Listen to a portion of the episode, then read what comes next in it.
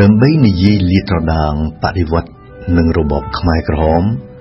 ក្នុងរយៈពេលជាង1ឆ្នាំកន្លងទៅនេះខ្ញុំបានអានឬបានអានឡើងវិញសៀវភៅឯកសារនិងនិក្ខេបបទសំខាន់សំខាន់ជាច្រើនសរសេរជាអង់គ្លេសបារាំងឬជាខ្មែរ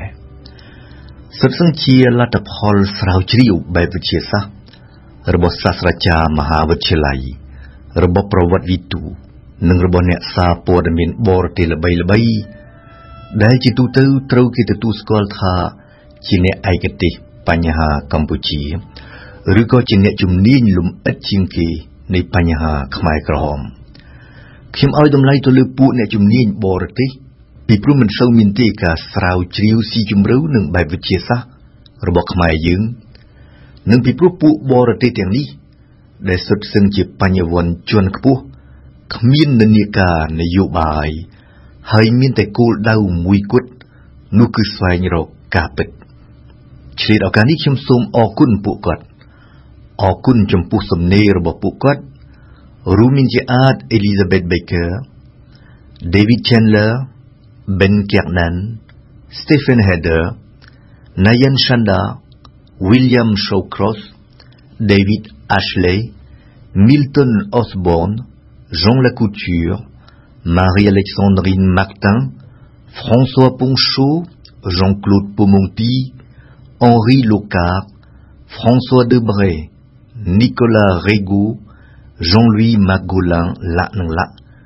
ដូចគ្នាជាងដែរខ្ញុំក៏បានអានឬបានអានឡើងវិញសំណេររបស់អ្នកស្រាវជ្រាវខ្មែរយើងខ្លះ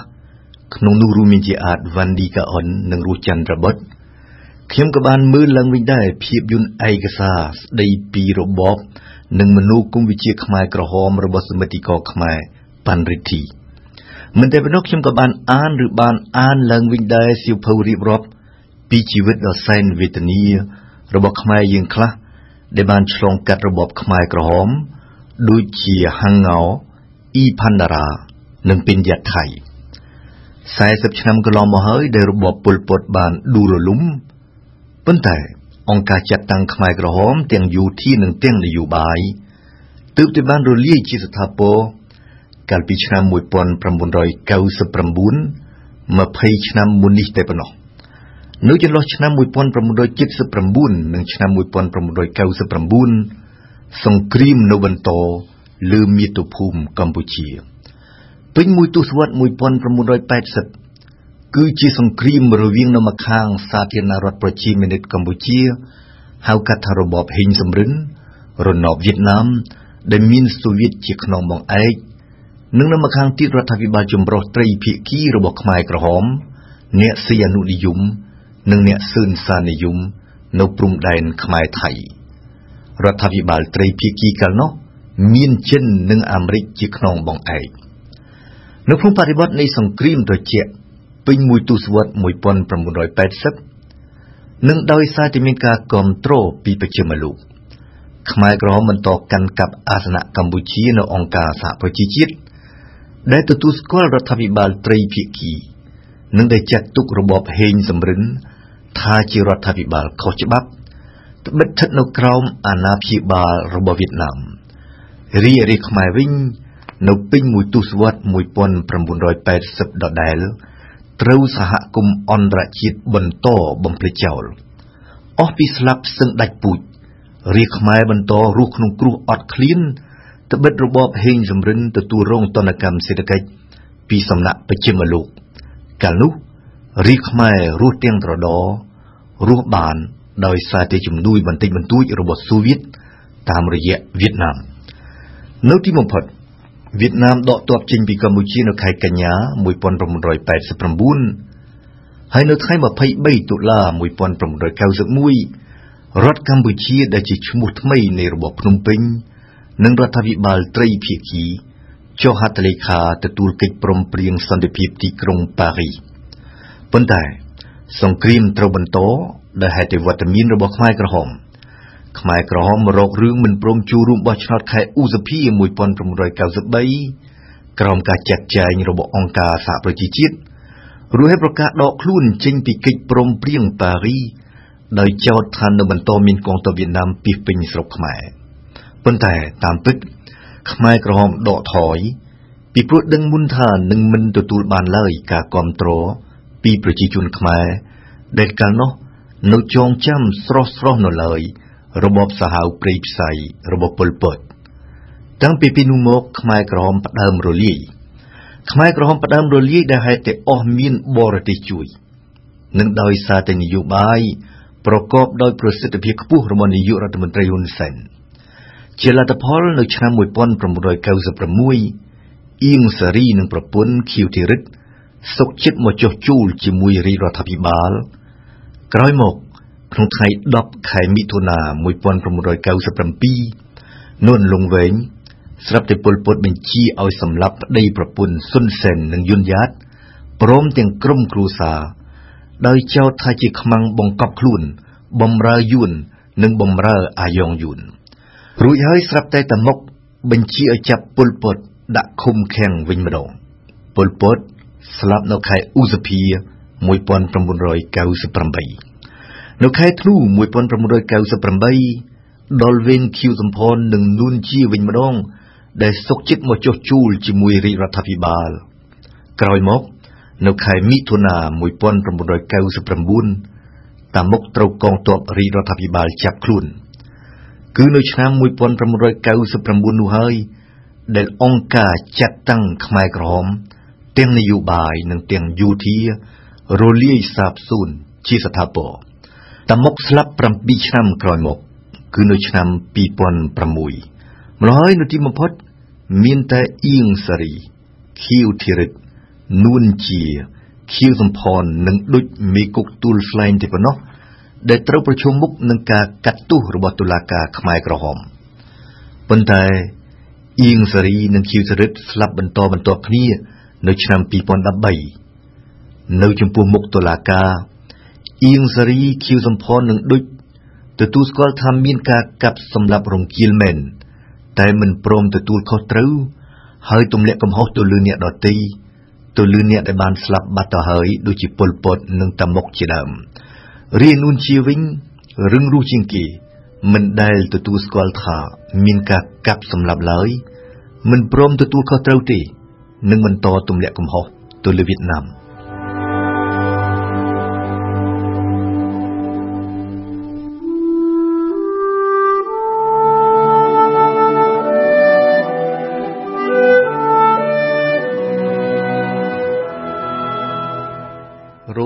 ពេលនេះ នៅក្នុងមេយដ្ឋានអ្នកស្រាវជ្រាវនិងសាស្ត្រាចារ្យបរទេសល្បីៗនៅមានសង្គ្រាមបកាធំមួយនោះគឺតើរបបប៉ុលពត ជារបបប្រល័យពូជសាសន៍ឬទេ David Chandler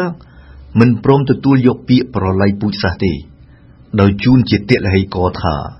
ជាទូទៅរបបខ្មែរក្រហមសម្លាប់សត្រូវបដិវត្តជាងសម្លាប់ពួកជនជាតិភៀតតិចណាមួយ ឬពួកអ្នកកាន់សាសនាភាគតិចណាមួយប្រវត្តិវិទូបារាំង Jean-Louis Magolan ក៏យល់ឃើញដូច David Chandler ចឹងដែរផ្ទុយទៅវិញ Ben Kiernan អះអាងថាទ្រឹស្ដីកុម្មុយនីសរបស់ខ្មែរក្រហម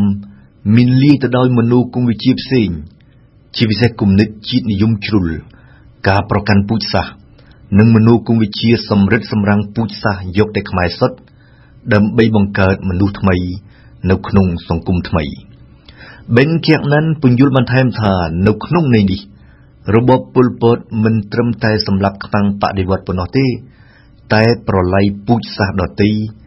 ដូចជាជនជាតិវៀតណាមជនជាតិចាម និងជនជាតិចិនទោះបីជាកាលនោះចិនជាខ្នងបង្អែករបស់ខ្មែរក្រហមក៏ដោយ នៅទីបំផុត នៅខែវិច្ឆិកា2018 ជាលើកទី1បង្អស់តុលាការខ្មែរក្រហមទទួលស្គាល់ថាមានមែន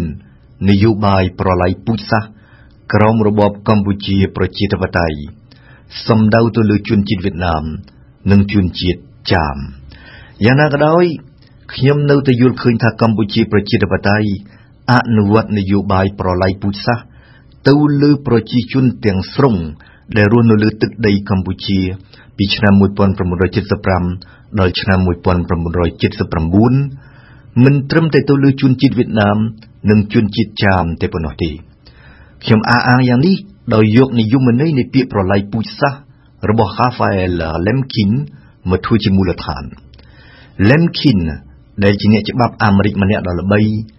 អះអាងនៅឆ្នាំ1944ថា ការប្រឡ័យពូជសាសន៍ត្រូវមាន ទី1ហិង្សាទៅលើមនុស្សម្នាច្រើនសន្ធឹកសន្ធាប់ទី2ចេតនាក្នុងការធ្វើបាបមនុស្សម្នាច្រើនសន្ធឹកសន្ធាប់ទាំងនោះនិងទី3ប្រភេទមិនជាក់លាក់នៃជនរងគ្រោះពូលគឺអ្នកណាក៏ដោយក៏អាចคล้ายជាជនរងគ្រោះដែរផ្អែកទៅលើនិយមន័យរបស់ Lemkin គេអាចនិយាយបានថារបបខ្មែរក្រហមពិតជាមានចេតនា ធ្វើបាបមនុស្សម្នាច្រើនសន្ធឹកសន្ធាប់មែនការបណ្ដេញប្រជាជនចេញពីទីក្រុង ការបង្ខំប្រជាជនឲ្យធ្វើការហួសកម្លាំងការបង្អត់អាហារការសង្កត់សង្កិនផ្លូវអារម្មណ៍រហូតដល់ធ្វើឲ្យមនុស្សម្នាក់ម្នាក់យល់ឃើញថាខ្លួនគ្រាន់តែជាឧបករណ៍បង្កបង្កើតផលដូចសត្វគោក្របីសុទ្ធសឹងជាភ័ស្តុតាងនៃអ្វីដែលលឹមគីនហៅថាចេតនានៃការប្រើហិង្សា ទៅលើមនុស្សម្នាច្រើនសន្ធឹកសន្ធាប់ដូចជាយ៉ាងដែរមនុស្សម្នាប្រមាណពី1លាន7សែននាក់ទៅ2លាននាក់ដែលស្លាប់កជើងគ្នាក្រោមរបបខ្មែរក្រហមសុទ្ធសឹងជាអ្នកដែលលឹមគីនហៅថាជនរងគ្រោះគ្មានប្រភេទជាក់លាក់អ្នកស្លាប់ដោយត្រូវខ្មែរក្រហមធ្វើបាប និងអ្នកស្លាប់ដោយត្រូវខ្មែរក្រហមសម្លាប់ចេញមកពីគ្រប់ជាតិសាសន៍ខ្មែរវៀតណាមចាមចិន អ្នករងគ្រោះ មានគ្រប់ប្រភេទពីព្រោះក្នុងចំណោមអ្នកដែលអង្គការខ្មែរក្រហមចោទថាជាខ្មាំងឬនឹងអាចคล้ายជាខ្មាំងមានពួកមន្ត្រីរបបលន់នល់ពួកបញ្ញវន្តពួកសិល្បករពួកវិស្វករពួកគ្រូបង្រៀនលក្ខនឹងលក្ខហេតុអ្វីបានជារបបកុម្មុយនីសខ្មែរក្រហមសាហាវយងខ្នងដល់ម្លឹងសាហាវជាងគេបើប្រៀបទៅនឹងរបបកុម្មុយនីសឡាវឬរបបកុម្មុយនីសវៀតណាម ដោយបានលើកឡើងជាហោហែរួចហើយថាពួកមេខ្មែរក្រហមសិតសឹងជាអ្នកជ្រុលនិយមដែលមាននៅក្នុងចិត្តអំនួតធំខុសខ្នាតនិងគំនុំធំជ្រុលអំនួតធំខុសខ្នាតជំរុញពួកគេឲ្យលូតផ្លោះដំណាក់កាលសង្គមនិយមដើម្បីទៅដល់គោលដៅកុម្មុយនីសឲ្យបានមុនគេទោះជាបដិវត្តតក់ក្រហល់បែបនេះបណ្ដាលឲ្យស្លាប់រាប់ម៉ឺនរាប់សែនអ្នកក្តី គំនុំធំជ្រុលធ្វើឲ្យពួកគេសម្រេចយកការកាប់សម្លាប់រង្គាលមកធ្វើជារបៀបដឹកនាំប្រទេសដោយមិនចាំបាច់យកទៅកសាងនាំតែខាតពេលតែកាប់សម្លាប់ចោលជាប្រព័ន្ធតែម្ដងអ្នកណាដែលជាសត្រូវអ្នកណាដែលអាចคลายជាសត្រូវនិងអ្នកណាដែលអាចបង្កឧបសគ្គ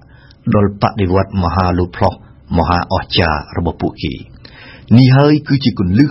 នៃចម្លើយឆ្លើយតបទៅនឹងសំណួររបស់ខ្មែរយើងខ្លះដែលនៅតែមិនជឿថាខ្មែរអាចសម្លាប់ខ្មែរដែលជាពូជសាសន៍ឯងអស់ច្រើនដល់ម្លឹងយ៉ាងណាក៏ដោយនៅក្នុងសៀវភៅនៅក្នុងឯកសារនិងនៅក្នុងលទ្ធផលស្រាវជ្រាវរបស់ពួកសាស្ត្រាចារ្យបរទេសទាំងអស់ខ្ញុំមិនដែលប្រទះឃើញឡើយការចោទប្រកាន់ណាមួយដែលថាបរទេសជិតខាងនិយាយចំគឺវៀតណាមជាអ្នកសម្លាប់ខ្មែរឬក៏ខ្ចីដៃខ្មែរសម្លាប់ខ្មែរ ទាំងនេះមានចេញតែពីមាត់ខ្មែរមួយចំនួន ដែលពូពេញទៅដោយជំនឿផ្កាប់មុខឬដែលគ្មានពេលរៀនសូត្រឬដែលមិនចង់ស្វែងយល់ទាំងនេះគ្រាន់តែជាពាក្យឃោសនាខ្វះការទទួលខុសត្រូវរបស់អ្នកនយោបាយខ្លះតែប៉ុណ្ណោះការពិត នៅក្នុងរបបកម្ពុជាប្រជាធិបតេយ្យខ្មែរក្រហមសម្រាប់ខ្មែរខ្មែរក្រហមសម្រាប់ខ្មែរក្រហម ជារួម ក្នុងនាមអង្គការបដិវត្តខ្មែរក្រហមមិនដែលគិតថា គេសម្រាប់ខ្មែរទេ តែគេសម្រាប់ខ្មាំង